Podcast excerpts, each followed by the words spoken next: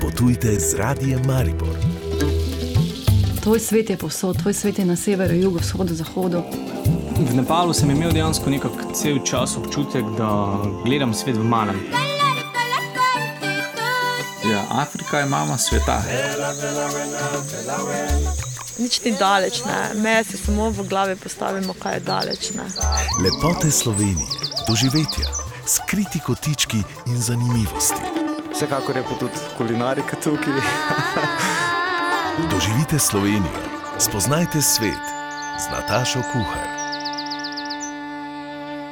Vabljeni k poslušanju turističnih vsebin. V tej poletni oddaji bomo v ospredje postavili razmišljanja turističnih poznavalcev o tem, da so v panogi potrebne spremembe, predvsem v smeri digitalizacije.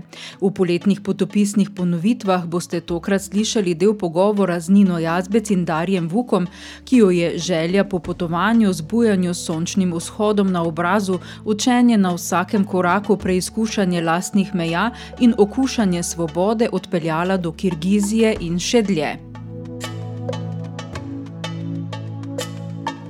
Po mnenju turističnih poznavalcev so v turizmu zaradi pandemije potrebne korenite spremembe v razmišljanju o organiziranosti in utrženju. Poleg tega pa so nujni še digitalna transformacija, inovativnost in pospešen prehod v trajnostni turizem. Turistična dejavnost bo po epidemiji potrebovala nov zagon in digitalizacija bo pri tem odigrala pomembno vlogo, pravi direktorica območne obrtno-podjetniške zbornice Maribor Leonida Polajnar. Imamo primere, kjer se digitalizira lahko en osnovni gostinski lokal z dobro spletno stranjo in z dobro ponudbo, kaj dejansko ponujajo, sedaj vsem tem trenutku tugov, ali pa da razvijajo nove produkte, nove hrane in pa seveda nove kulinarična doživetja. Dan danes že beležimo doživetja kulinarike tudi preko dostave kulinaričnih polproduktov in si potem dejansko skozi voden postopek nekdo skuha samo večerjo ali pa dejansko obrok. Na, na drugi strani lahko z digitalizacijo spodbudimo tudi male butične hotele z enim individualnim pristopom.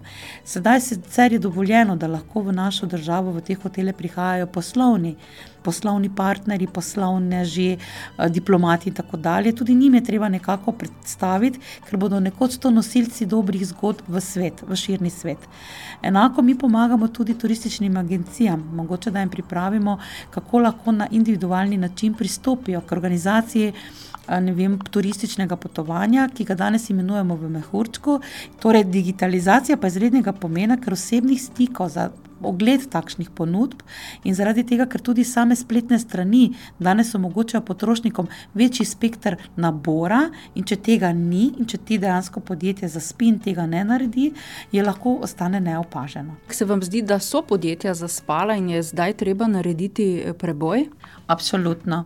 Namreč eh, vedno v vsaki krizi je potrebno najti priložnost in dejansko ta projekt Bi-Redi Alps, ki ga mi izvajamo, je Second Life. To pomeni, da zrela podjetja, ki danes dejansko v turizmu so, ali so to že z dolgoletno tradicijo, 10, 20, tudi 30 let, da ne zaspijo na tej točki, da ne čakajo, kaj bo prinesel čas, ampak da enostavno obrnajo ploščo, poiščejo te dejansko podjetja, ki jim lahko pomagajo z prebojem, z inovacijo, internacionalizacijo in ne na zadnje, v turizmu še kako potrebno digitalizacijo. Ja.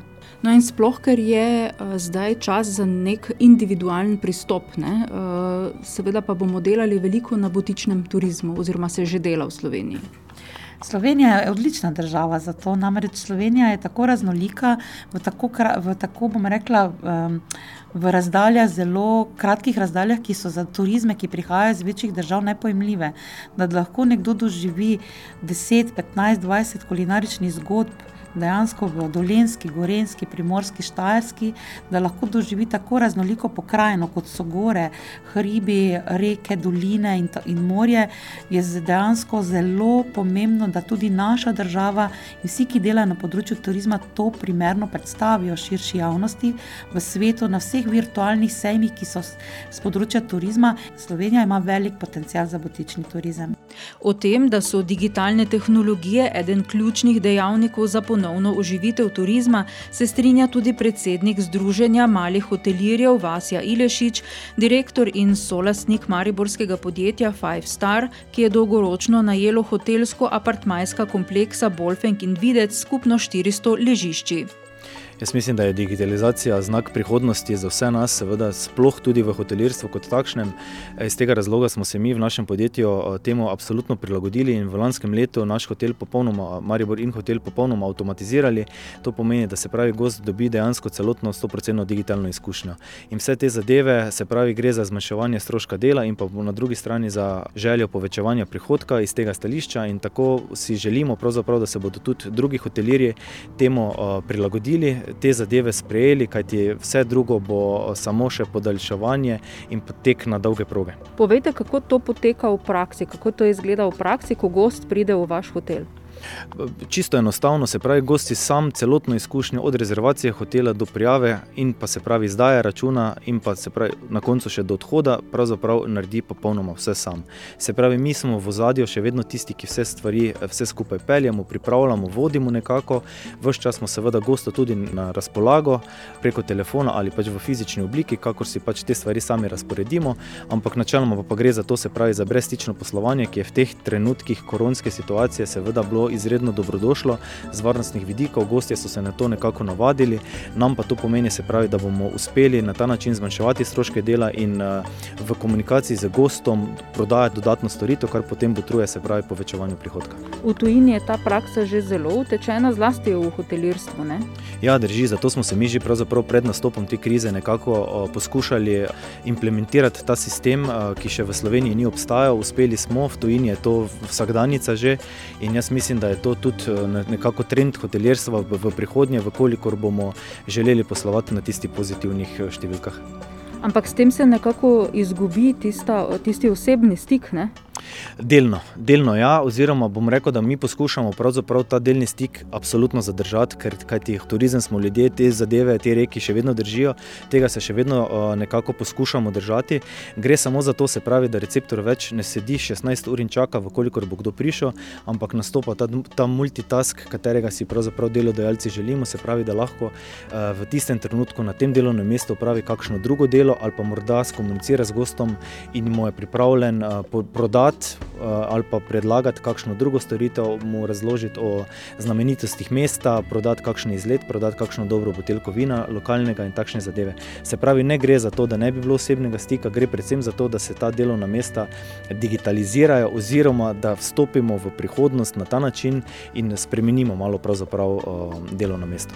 Seveda pa to ne gre na vseh področjih turizma. Ne, ne nikakor ne, seveda se pravi strežba in eh, določene zadeve, kar se tiče priprava hrane, seveda bo obstala na ta način. Zato pravim, da gre za neko delno avtomatizacijo določenega procesa, s katerim si lahko pomagamo in pripomore k temu, da zmanjšamo strošek dela tam, kjer je mogoče neupravičen, oziroma tam, kjer je prihodek odvisen od tega, če gost pride ali ne. Se pravi, gre samo za neke avtomatizirane določene procese in na ta način um, se pravi boljše, boljše finančno poslovanje. Na vseh področjih pa digitalizacija ni mogoča, je prepričana direktorica Više strokovne šole za gostinstvo in turizem Maribor Tanja Sagadin Angleitner. Ja, z vidika Više strokovne šole za gostinstvo in turizem, ki Mariboru izvaja dva študijska programa, gostinstvo, turizem in pa wellness, je za nas seveda to en popolnoma novi pristop. Lani marca smo v prvem lockdownu sprobali, kako funkcionira, se potem v poletnih mesecih mnogo bolje pripravili na celotni pedagoški proces. In moram reči, da zdaj po enih štirih mesecih, čeprav imajo študenti zumiranja in ekranov vrh glave, vseeno kažejo določeno mero kreativnosti tudi na tem digitalnem področju. Pri določenih vsebinah in predmetih je to ok, gre v redu skozi, predvsem recimo na področju hotelirstva, destinacijskega menedžmenta, te kreative. Za področje kulinarike in gostinstva pa bi vseeno rekla, da tista izkustvena situacija, izkušnje vidiš, probaš, vohaš, poskusiš, pomagaš narezati, pomagaš premešati, da vseeno te, tega segmenta v digitalno okolje ne moremo v celoti prenesti, ker se tista tipična, avtentična izkušnja s tem izgubi. V nadaljevanju se bomo podali na pravo avanturo. Ostanite z nami. Potujemo tudi na spletu. Bonjour. Ça va Je l'ai Oui. C'est tout Radiomaribor.si Šimo. Potujte z Radijem Maribor. Tvoj svet je povsod, tvoj svet je na severu, jugu, vzhodu, zahodu. Doživite Slovenijo, spoznajte svet.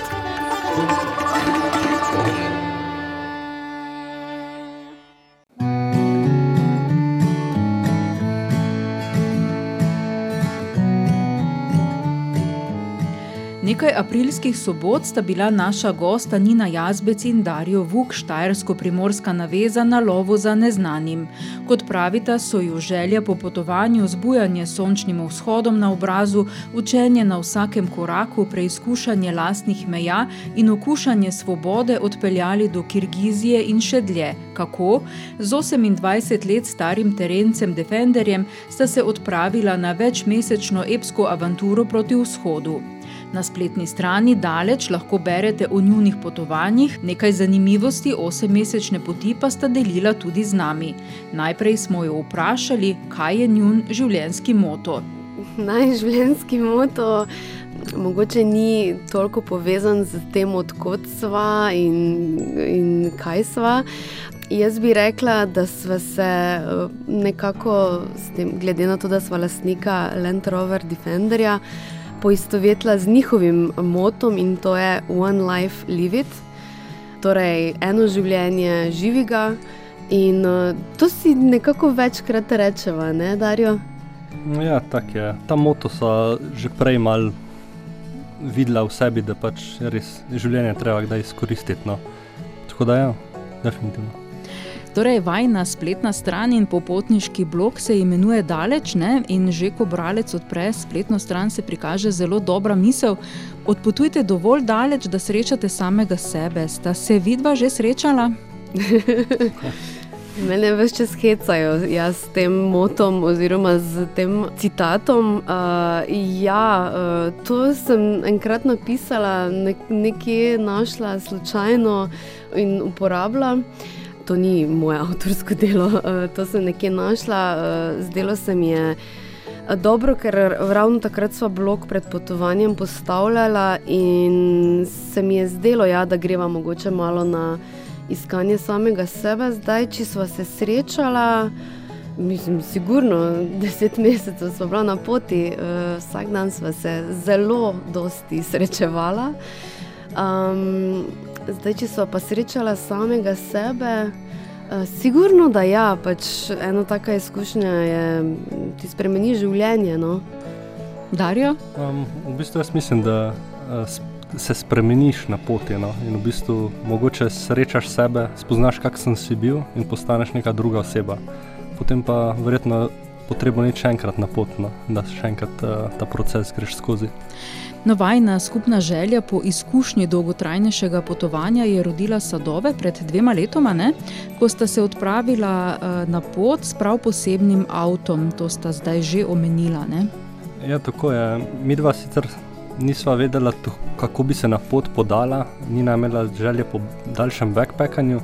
Jaz pa sem bil že prej mal ljubitelj avtomobilov, pa sem zgrabil možnost, ko sem nekaj našel na internetu.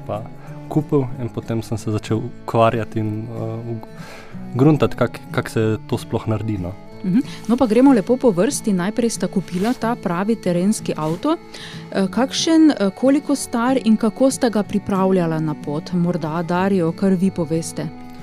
Ja, avto so kupila eno leto pred potjo, letnik je 91, tako da v bistvu skoraj star toliko kot midva. In najprej so šla na neki testni vožen, malo na, po Hrvaškem, tako da so ugotovila, kaj sploh hočeva.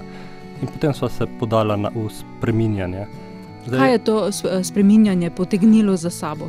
Avt, avtomobil so dobila že s strešnim šotorom, kar nam je bilo odlična zadeva, ker to je zelo preprosto urejeno za spanje. In potem v notranjosti avtomobila so si zaželela nekaj stvari, naprimer lažje kuhanje, nek prostor, v katerem lahko bivaš, ko je slabše vreme. Uh, pa definitivno tudi uh, rezervarje za vodo, ker uh, ko si več časa na poti, pač nimaš dostopa do pitne vode in je vse treba imeti s sabo. No, potem sta izbrala pot, kam in zakaj. Um, pot sva na začetku rekla, greva v Iran. In to je bil v stil, ki smo ga imeli, nekje, nekam, v bistvu niti za prvi dan nisva vedela, kam greva. Neka želja je bila po Iranu, to se nam je zdela odlična destinacija in sva se odpravila. Ja, uh, mogoče samo, če dodam glede uh, tega začetka, no, kako se, uh, ti, kako je bilo tisti tik pred potovanjem. Mi dva nisva imela uh, končnega datuma potovanja, uh, nisva vedela, ko smo se odpravljali iz Slovenije, nisva vedela, kdaj pridemo nazaj. To je tako imenovan open end mm. -hmm. trip. In um, tudi končnega cilja torej ni bilo čist določenega. Ne? Želja je bila sicer Iran vmes, ampak če bi kam drugam zavila, pa tudi ne veva. No. Um, mogoče pa še uh, zakaj v to smer. Predvsem zato, ker avto ni potrebno transportirati nikamor, torej preprosto odpelješ se iz Slovenije na jug ali na vzhod ali v eno smer. Ponavadi so ti transporti avta, recimo preko oceana, v Ameriko ali pa kam drugam, drag strošek. Ne? In sva si to prihranila v bistvu, tako da sva šla. Pa še zakaj v to smer, pač relativno poceni države so to, kar se tiče hrane, nastanitev, benzina in podobno. Balkan nam je malo poznan že bil, tako da so si rekli, ok, dajmo malo probat najprej na začetku, pol pa, pol pa dalje. No. No, če bi se jaz eh, sama odpravila na takšno pot, bi me skrbelo, kaj vzeti s seboj. to je tudi naj skrbelo. Mislim, da to je skrb vsakega popotnika, še posebej, ko si v nekem avtomobilu. Tudi če je večji avtomobil, je ogromno je prostora, ampak vedno ga je premalo. In Mhm. um, vsi nam so govorili, čim manj, čim manj, in v bistvu So imeli prav. so Ja. definitivno imeli prav. Naslednjič, verjetno bi vzela še manj stvari. Pri dolgi poti in urejanju avtomobila je zelo potrebno skrbeti, da je teža avtomobila čim nižja. No? In vsaka stvar se nabere. Tako da naj avtomobil je bil na koncu težek d- 2,7 tone, kar je v bistvu kar nek zalogaj. No? In na dolgi poti se to pozna na obrabi avtomobila. Zdaj časovnice nista imela, ne? se pravi, sta na čas načrtno pozabila. Ja, z veseljem. z veseljem sem pozabila na čas. E, To je bil tudi najn cilj, oziroma najna želja pri odločanju za tako pot. Je bil, namreč prej smo že potovali, seveda, ampak vedno je tistih 14 dni prekratki, vedno. Drviš pač iz enega konca na drugega, splaniraš si vsaki, vsako nastanitev, vsako minuto. In ravno tega sem si želela, torej, da enkrat v življenju izkusim, kako je biti na potovanju, brez da me preganja čas, da si lahko vzamem čas za stvari, ki me res zanimajo. Če mi je nekaj všeč, bom tam ostala dva dni, če mi je nekaj ni všeč, pa pač grem naprej. Ne? Tako da to je bil zelo, zelo dober občutek pozabiti na čas. In tudi to, da smo šla za tem zavedanjem, da lahko smo na poti en mesec, lahko smo deset mesecev ali pa vem, celo življenje, ti da nekako občutek, vsaj meni je bilo to neko olajšanje, ker ni, ne vem, ne obremenjuješ se s tem, da moraš hitro zdaj nekaj spraviti, natrpati v tisti čas, ki ga imaš. Ne. Tako da smo si kar ležerno lahko to vzela, čeprav si na koncu itak nisva tako ležerno. Je še vedno bilo, ker uh, so se dosti premikala, dosti vozila, um, dosti Veliko počela. doživela, ne? Tako, dosti Mhm. počela, pot se ti dogaja in, in vedno se tako, okay, če po dva dni si primerjal, pa ok, zdaj pa bi že lahko šla malo naprej. ne. Tako da so se dosti premikala na koncu, ampak um, ja, no, mislim, da ta privilegij časa je bil nekaj najlepšega na tej poti, no, kar si si privoščila. Privilegij časa, pa tudi prednosti potovanja z avtom. Ne? Um, ja, definitivno. Po tej poti, zdaj ko gledamo retrospektivno nazaj, um, nama backpackanje sploh nekako ne, ne vleče v to. No. Se pravi, potovanje z nahrbtnikom. Uh, potovanje z avtomobilom je čisto drugače, neko novo svobodo ti da, o, možnost iti kamor noben drug ne gre, vse od turistov. In to je velik plus potovanja z avtomobilom. Tudi eh, ta občutek ti da, da se na poti nekako počutiš doma, namreč dom si voziš sabo seboj. ves čas. In to je tudi ena specifika, ki tega nahrbtnik oziroma potovanje z nahrbtnikom ne da. No, ne smemo pozabiti tudi na vajno spletno stran, daleč in pa bloge, ki nastajajo, odlični zapisi obeh, ki se kar nekako dopolnjujejo, in zraven še čudovite fotografije, ki bralca kar preselijo v kraje, ki sta jih vidva obiskala. Ja, uh, jaz sem zelo, zelo vesela, da sem bila toliko strajna, da sem blog pisala že med potjo, oziroma sva ga pisala med potjo, da so ti zapisi res živi, da so aktualni, da so res odraz tistega doživljanja, ki sva ga uh, doživela ker potem retrospektivno se jim nismo vsega sproti. Ne. To se mi zdi skoraj nemogoče, mm -hmm. ker vseeno moraš pa tudi pot uživati, živeti. Ampak vseeno smo uspela nekako sproti zapisati. In zdaj, ko grem brati ta blog, uh, mi kar uh, prinese vse nazaj spomine. Včasih se malo jočem, včasih se smejim. -hmm. včasih... Različni občutki. Ne? Tako je. Ja. No, v blogu beležita tudi za popotnike koristne informacije o stroških potovanja, možnostih prenočitev in kje dobro jesti v avtokampih, vse mogoče najdemo tam. Blog so v začetku začela pisati bolj sama zase. Tu nam je bil zmeri cilj. Nismo imeli nekih finančnih planov za to, to je bila v bistvu zgodba za najo, za ko bova starejša, mogoče za otroke. In um, potem pa s, s časom se mal spremenilo, ker so videla druge na spletu dosta informacij, katere so nam prav prišle. So v bistvu rekla, da tukaj je tudi neka priložnost, da pomagajo ljudem, ki grejo za nama in uh, ljudem, ki bi mogoče to, v to se radi spustili. In um, to je postala tudi ena točka na enega bloga. Povejte, kaj vse lahko gre na takšnem potovanju na robe? Vidva sta že kmalo obiskala prvo avtomehanično delavnico, ne? um, ja, v bistvu že prvi dan pr pri senju sva se ustavila in ugotovila, da nekaj mal preveč kripa na avtomobilu. No. Tako da naslednji dan sva bila že pri mehaniku, kateri seveda ni imel časa v soboto in sem se mogel kar sam spraviti na popravljanje avtomobila. Z njegovo asistenco, rekel, za kar sem mu zelo hvaležen. Ko sem mu povedala, da se odpravljava v Iran, ne vem, kaj se je mislil o nama. Sam rekel, je sreten put. Pa potem, kasneje, so bile tudi kakšne težave, večje, manjše. Na poti so bila neplanirano pri mehanikih kar nekajkrat, bom rekel, ene, ene šestkrat. Na, največji problem se je zgodil nam v Armeniji, ker so dejansko mogla čakati na rezervne dele en teden, da so nam jih poslali iz uh, Velike Britanije. Uh, v vseh drugih primerih so pa dele imela sabo rezervne in smo ponovadi bila na poti naprej že v roku dveh ur. Mhm, se pravi, ni bilo, ni bilo večjih težav. Jaz bi rekel ne, eh, stvari lahko grejo dosti bolj na robe. No. Uh, Mrzikdo na taki dolgi poti naredi eno majhno napako in lahko prevrneš avtomobil na streho, in uh, se ti načrti lahko zelo hitro obrnejo, dobesedno na glavo.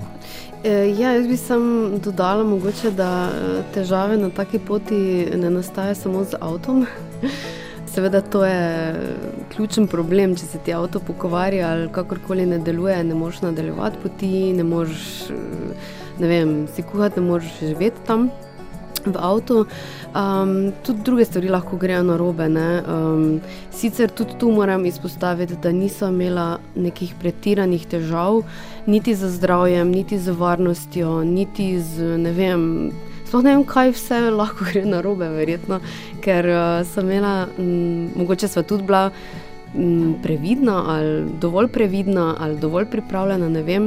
Skratka, nekih res večjih težav um, na nobenem področju nisem imela. Pri zobozdravniku vem, da ste bili.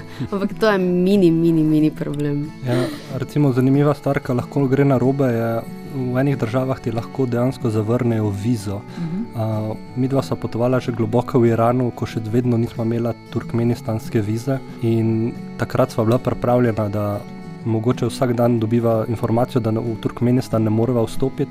V takem primeru bi, mogla, bi imela mogoče en teden časa, da se iz Irana umakneva, ker nam je pa potekala viza od Irana. Povejte, kdaj je ta pot postala vajen način življenja, koliko časa sta potrebovala, da sta res odklopila? Jaz bi rekel, da sem potreboval ene tri mesece, vseeno.